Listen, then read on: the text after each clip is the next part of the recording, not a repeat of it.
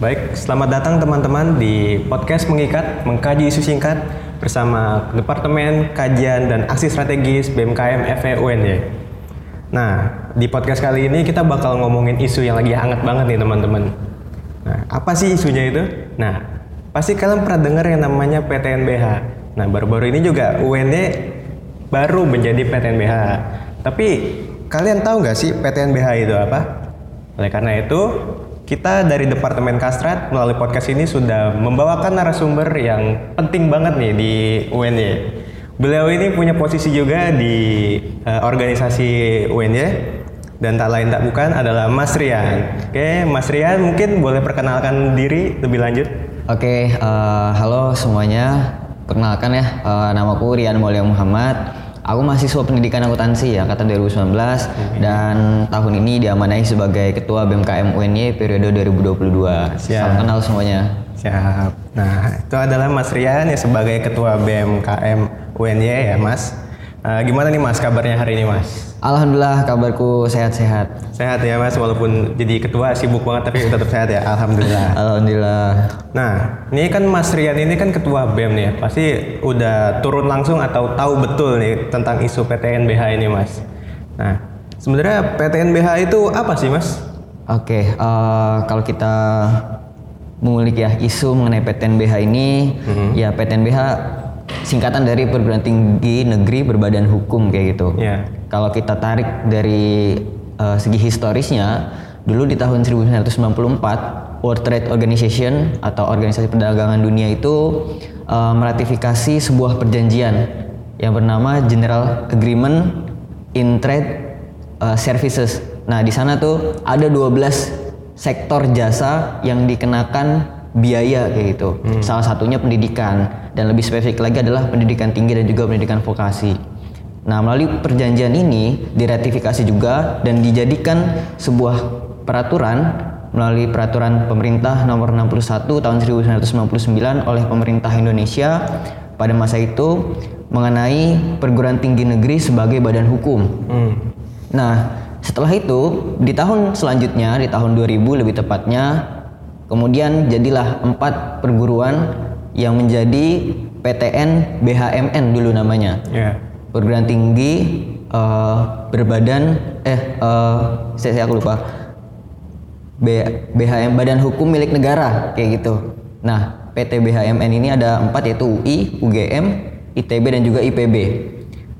Nah, pada akhirnya mereka diberikan otonomi khusus gitu ya, semacam sistem desentralisasi agar mereka dapat mengelola keuangannya sendiri pada masa itu. Dan kemudian semakin berkembang hingga mas uh, saat ini dan UN-nya termasuk ke 17 perguruan tinggi yang telah menjadi PTNBH dengan segala perubahan uh, mulai dari peng, apa otonomi dari segi keuangan kayak gitu hingga diberikan otonomi untuk kerjasama dengan badan usaha yang lainnya melalui uh, undang-undang mengenai pendidikan tinggi seperti itu. Oke, nah itu teman-teman. Jadi PTNBH itu ya intinya PTN yang punya uh, keluasan atau kemandirian dalam mengatur otonominya ya Mas ya. Betul betul betul. Oke, nah Mas, uh, kalau misalnya kelebihan dan kekurangan dari PTN yang yang jadi PTNBH contohnya UNY ini kira-kira apa ya Mas?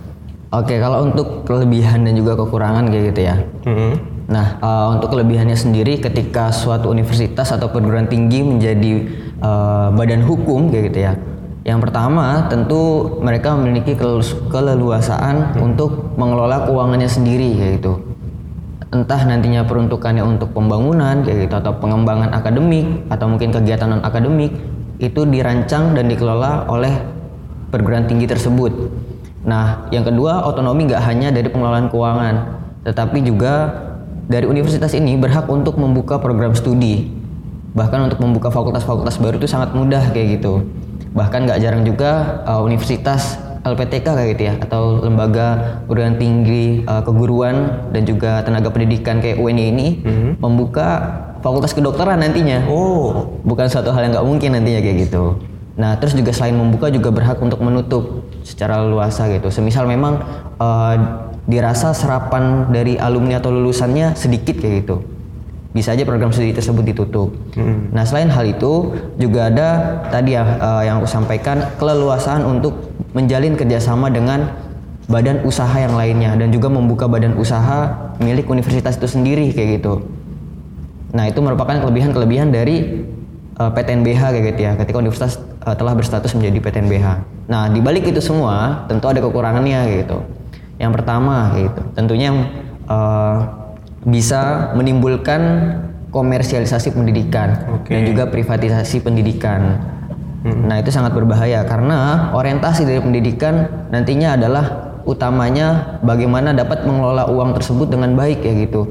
Bagaimana mencari sumber-sumber pemasukan agar nantinya dapat mengembangkan kegiatan-kegiatan akademik dan non-akademik. Dan lebih bahayanya lagi adalah ketika suatu universitas sudah berorientasi pasar tenaga kerja jadi ibarat pendidikan ini sebagai uh, pabrik untuk mencetak tenaga-tenaga kerja yang ada di pasar kayak gitu.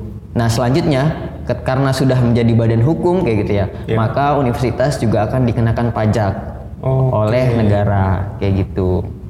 Baik, nah itu tadi uh, kelebihan dan juga kekurangan dari PTN yang udah jadi PTN BH ya mas ya? Betul. ya. Oke, tadi uh, dalam PTNBH Mas juga udah atau nyebutin istilah komersialisasi komersialisasi pendidikan ya Mas ya? Iya. Oke. Tapi uh, apa sih Mas dari arti dari komersialisasi pendidikan itu sendiri? Oke, komersialisasi sendiri kan merupakan sebuah perbuatan mm -hmm. yang memperdagangkan suatu barang kayak gitu ya. Iya, betul. Nah, secara sederhananya berarti komersialisasi pendidikan adalah memperdagangkan ya pendidikan itu sendiri kayak gitu. Oke okay, oke. Okay. Nah kenapa uh, komersialisasi pendidikan ini sangat erat kayak gitu ya, sangat melekat dengan PTNBH karena dalam PTNBH ini cenderung kayak gitu. Jasa-jasa pendidikan yang ada dalam perguruan tinggi ini dikenakan biaya-biaya yang nggak sedikit kayak gitu. Mm. Padahal kan dalam undang-undang dasar kita pendidikan adalah hak segala bangsa hak uh, rakyat Indonesia kayak gitu ya. Iya betul. Hmm. Nah tapi ketika perguruan tinggi udah menjadi badan hukum, maka universitas juga perlu memikirkan kayak gitu pemasukan pemasukan mereka dari jasa ataupun pendidikan yang layanan atau jasa pendidikan yang mereka berikan kepada masyarakat seperti itu. Oke oke. Oke, tadi uh, itu komer arti dari komersialisasi pendidikan ya, Mas ya. Oke, kita kembali lagi ke PTNBH nih Mas. Uh, dari kelebihan dan kekurangan tadi, kira-kira UNY ini perlu gak sih Mas di zaman sekarang menjadi PTN yang udah berbasis PTNBH? Oke, aku rasa mengenai PTNBH ini udah menjadi tujuan ya. Oh iya. Dari berbagai universitas negeri yang ada di Indonesia gitu. Mm -hmm. Semua perguruan tinggi negeri pasti berlomba-lomba untuk menjadi PTNBH bahkan dari kementerian sendiri pun juga ya mendorong untuk universitas-universitas menjadi PTNBH gitu berstatus PTNBH. Nah, tapi ketika semua itu tertuju pada gengsi semata gitu ya mengenai status PTNBH ini, yang perlu kita perhatikan adalah bagaimana kesiapan dari tiap-tiap perguruan tinggi atau universitas menjadi badan hukum itu sendiri kayak gitu. Ya kalau kita melihat kampus kita menjadi PTNBH, jujur masih banyak kekurangan yang yang perlu dibenahi kayak gitu. Iya, banyak banget emang. Nah itu dia. Maka dari itu ya bagaimana balik lagi ya peran kita PTNBH ini sulit untuk kita gagalkan kayak gitu. Hmm. Ya peran kita saat ini adalah berusaha untuk mengawal untuk ke depannya agar ketika pada masa transisi ini gitu ya masa awal-awal UNI menjadi PTNBH segala kekurangan-kekurangan yang kita rasakan harapannya dapat tertutupi dan bahkan progresnya lebih cepat kayak gitu ketika UNI telah menjadi PTNBH. Oke oke oke baik itu tadi uh, jadi intinya PTNBH ini adalah tingkatan tertinggi ya mas dari betul uh, suatu PTN dalam uh, istilahnya statusnya ya. Betul. Oke oke.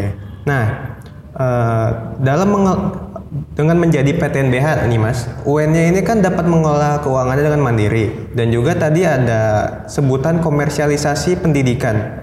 Nah, apakah dengan begitu UN-nya ini bakal lebih fokus dengan bisnisnya Mas dibanding dengan uh, tujuan utama dari PTN itu yaitu mendidik anak-anak mahasiswa gitu Mas? Oke. Okay.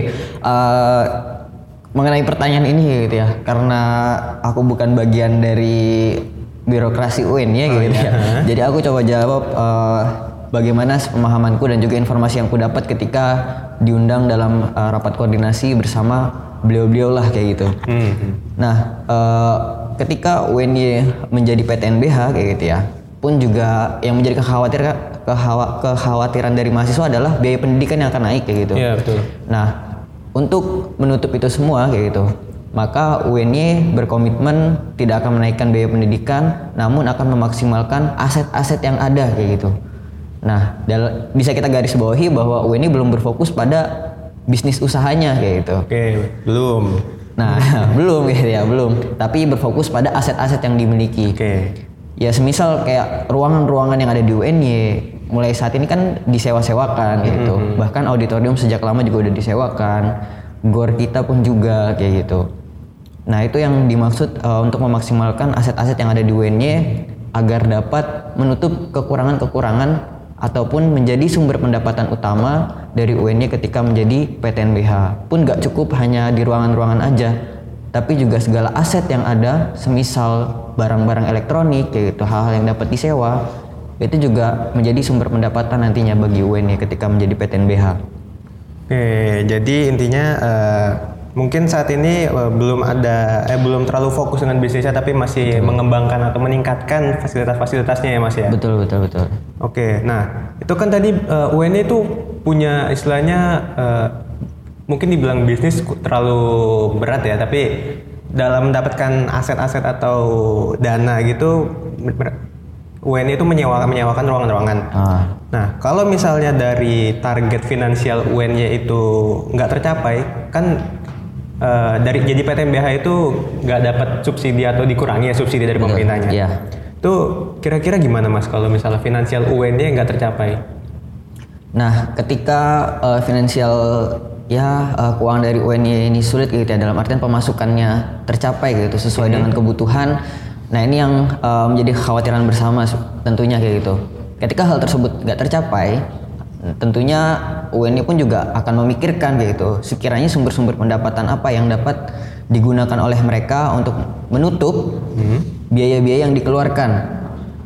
Nah, maka dari itu perlu kita kawal bersama gitu ke depannya kebijakan UNY ke depannya untuk menambah kayak gitu ya sumber pendapatannya mereka seperti apa gitu. Apakah akan membuka bisnis usaha baru gitu. Atau mungkin mengoptimalkan bisnis usaha yang ada sekarang. Karena kita lihat sendiri bisnis usaha UNY yang mana kayak gitu.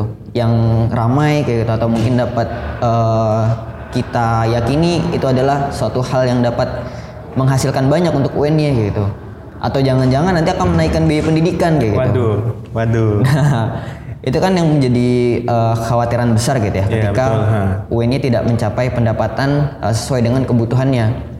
Nah, balik lagi gitu tugas kita tentu untuk mengawal hal itu jangan sampai terjadi dan ketika memang adanya transparansi mengenai laporan keuangan gitu dan ternyata kita menemukan warning nih ternyata pendapatan dari UNY nggak sebanyak atau nggak sesuai dengan kebutuhannya maka ya perlu uh, kita awasi terus gitu kebijakan apa yang sekiranya akan diterbitkan oleh UNY untuk ke depannya pun juga sebetulnya dalam pengawalan ini menjadi tugas penting juga untuk majelis wali amanat gitu ya hmm. terlebih dari wakil mahasiswa nantinya karena ia yang akan punya akses langsung mengenai persetujuan kebijakan yang ada di UNY kayak gitu.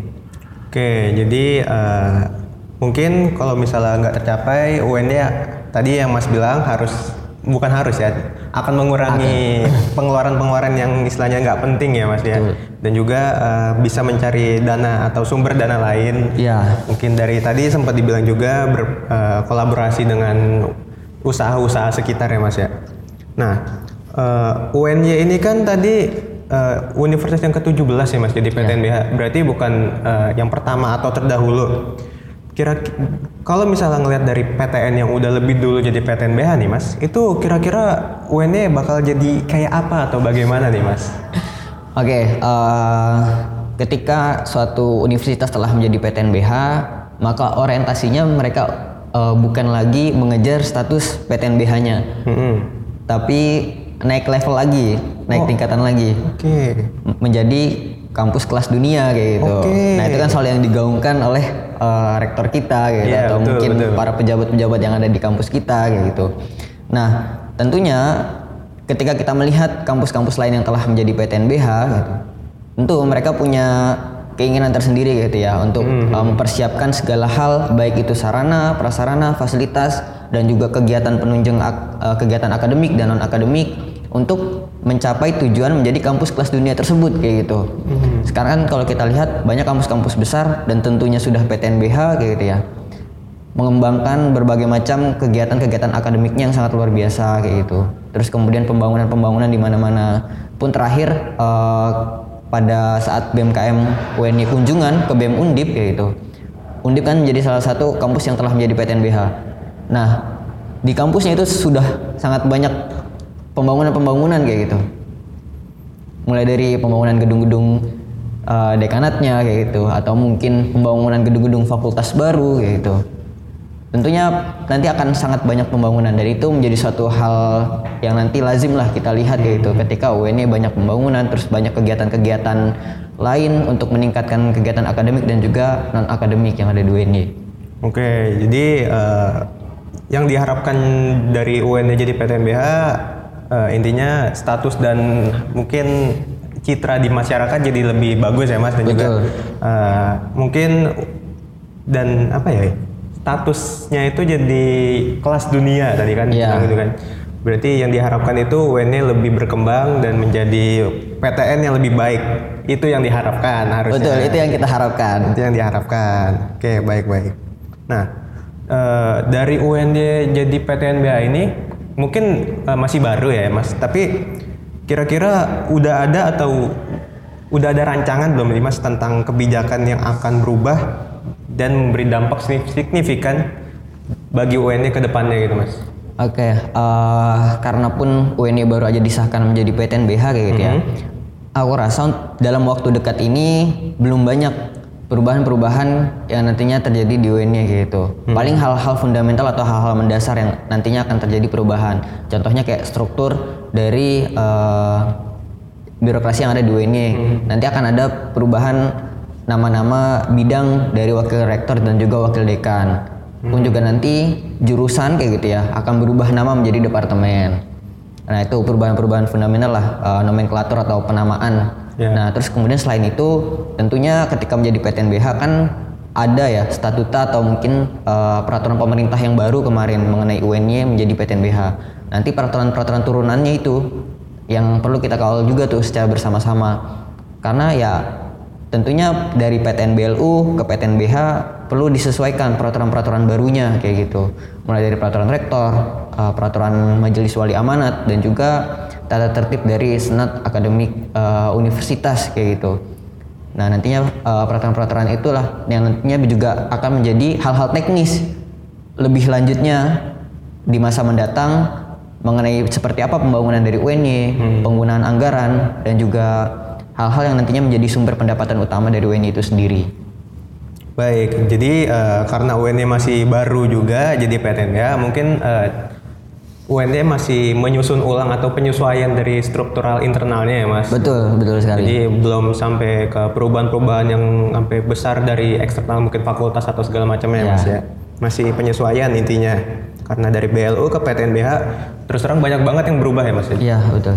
Oke, uh, misalnya nih mas, uh, kalau misalnya PTN BH, eh maksudnya UN-nya jadi PTN BH, habis itu uh, bikin kebijakan, mungkin bisa lihat dari universitas yang udah lebih dulu, tuh kira-kira ada nggak sih dampak yang diberikan atau uh, dampak yang dirasakan oleh mahasiswa gitu mas? Nah untuk dampak yang uh, nantinya akan dirasakan oleh mahasiswa tentunya ya uh, dari segi fasilitas bagi kampus-kampus besar uh-huh. tentunya sudah sangat memadai ya itu. Yeah. Mulai dari ya kegiatan di laboratorium atau mungkin kegiatan-kegiatan di ruang kelas dan juga pelayanan akademiknya hmm. tentu akan lebih baik dan lebih bagus ketimbang kampus-kampus uh, yang masih BLU kayak gitu ya. Nah, tapi dengan segala permasalahan yang ada di UNY gitu dan masih masa transisinya Nah, kita perlu melihat juga gitu realistis realistisnya seperti apa dan perlu kita memberi masukan kepada ya uh, mulai dari dekan dan juga rektorat untuk senantiasa memberikan perbaikan. Nah, itu menjadi suatu kelebihan dan juga kekurangan pada masa transisi ketika sebuah kampus menjadi PTNBH kayak gitu. Selain itu juga yang dirugikan lagi kayak gitu ya. Ketika UNI ini berorientasi asetnya ini untuk menjadi sumber pendapatan utama, nah apakah kegiatan-kegiatan kemahasiswaan nantinya akan disingkirkan kayak gitu Oh. atau tidak diprioritaskan, lebih memprioritaskan orang-orang luar untuk menyewakan untuk disewakan ruangannya kayak gitu. Oke oke. Nah, ya tapi ya harapannya tadi gitu ya, segala fasilitas, sarana, prasarana, kegiatan akademik dan non, dan non akademik semakin lebih baik dan lebih bagus dan diprioritaskan untuk mahasiswa Universitas Negeri Yogyakarta terlebih dahulu daripada orang-orang atau pihak-pihak eksternal lainnya. Iya, iya. sekali lagi ya mas, mungkin tadi kan eh, seperti yang diharapkan, Iya. fasilitasnya menjadi lebih baik, Iya. ya kan. Apalagi statusnya sekarang udah PTNBH, Betul. istilahnya yang tertinggi di status di Indonesia. Iya. Nah, oke, dari perubahan-perubahan ini, khususnya perubahan status dari eh, PTN BLU jadi PTNBH, sikap apa sih mas yang harus ditunjukkan eh, seorang mahasiswa tentang perubahan ini mas? Baik, eh, sikap kita ya sebagai seorang mahasiswa tentunya yang pertama kita perlu peduli kayak gitu. Dan merasakan bahwa perubahan sebuah universitas status universitas dari PTN BLU menjadi PTN BH merupakan sebuah perubahan yang besar kayak gitu, bukan sebuah perubahan yang kecil. Walaupun memang dampaknya belum kita rasakan secara langsung kayak gitu ya. Tapi dalam jangka panjang tentunya akan sangat kita rasakan kayak gitu ya. Mungkin belum di generasi kita, tapi mungkin di generasi-generasi selanjutnya, atau mungkin generasi kita sudah terasa perbedaannya kayak gitu ya. Namun hanya sebagian kecil yang merasakan. Nah kita perlu peka dengan eh, orang-orang atau mungkin lingkungan yang ada di sekitar kita kayak gitu. Kemudian hal-hal yang menjadi eh, perubahan pada masa transisi ini ya merupakan hal-hal yang perlu kita kawal kayak gitu ya. Bagaimana untuk ke depannya tidak terjadinya kenaikan biaya pendidikan kayak gitu dan juga memastikan bagaimana UNY memaksimalkan asetnya tanpa mengesampingkan kepentingan-kepentingan mahasiswa kayak gitu.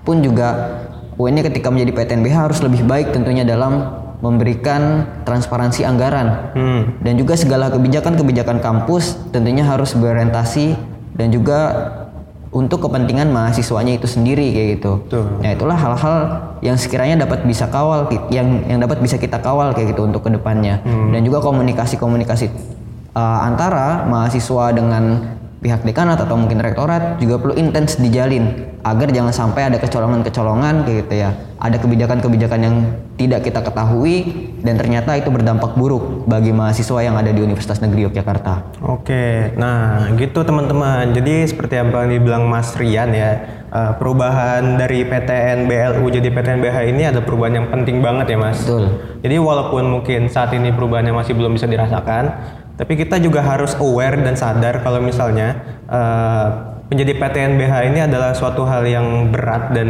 perlu dikawal. Apalagi eh, bakal ada perubahan-perubahan yang mungkin sekarang belum dirasakan tapi nanti adik-adik generasi selanjutnya yang bakal merasakan. Jadi kita perlu sadar dan juga mengawal tentang kebijakan-kebijakan yang akan terjadi ya Mas ya di masa mendatang. Ya betul banget. Dan juga kita perlu istilahnya aware dengan transparansi keuangan tadi supaya tidak tidak terjadi hal-hal yang tidak diinginkan ya, seperti kasus-kasus eh, eh, mungkin ada PTN lain ya Mas ya. Betul betul.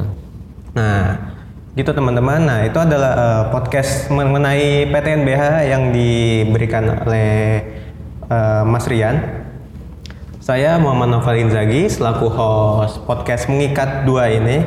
Berterima kasih kepada Mas Rian yang, yang udah menjadi narasumber atas podcast kali ini. Eh, itu saja. Oke, Mungkin siap. kita terima, terima kasih juga teman-teman Oke, Ekstrat. siap. Makasih Sudah banyak Mas Rian untuk kesempatannya. Mungkin itu saja. Sampai bertemu di podcast selanjutnya. Bye bye teman-teman. Dadah teman-teman. Bye.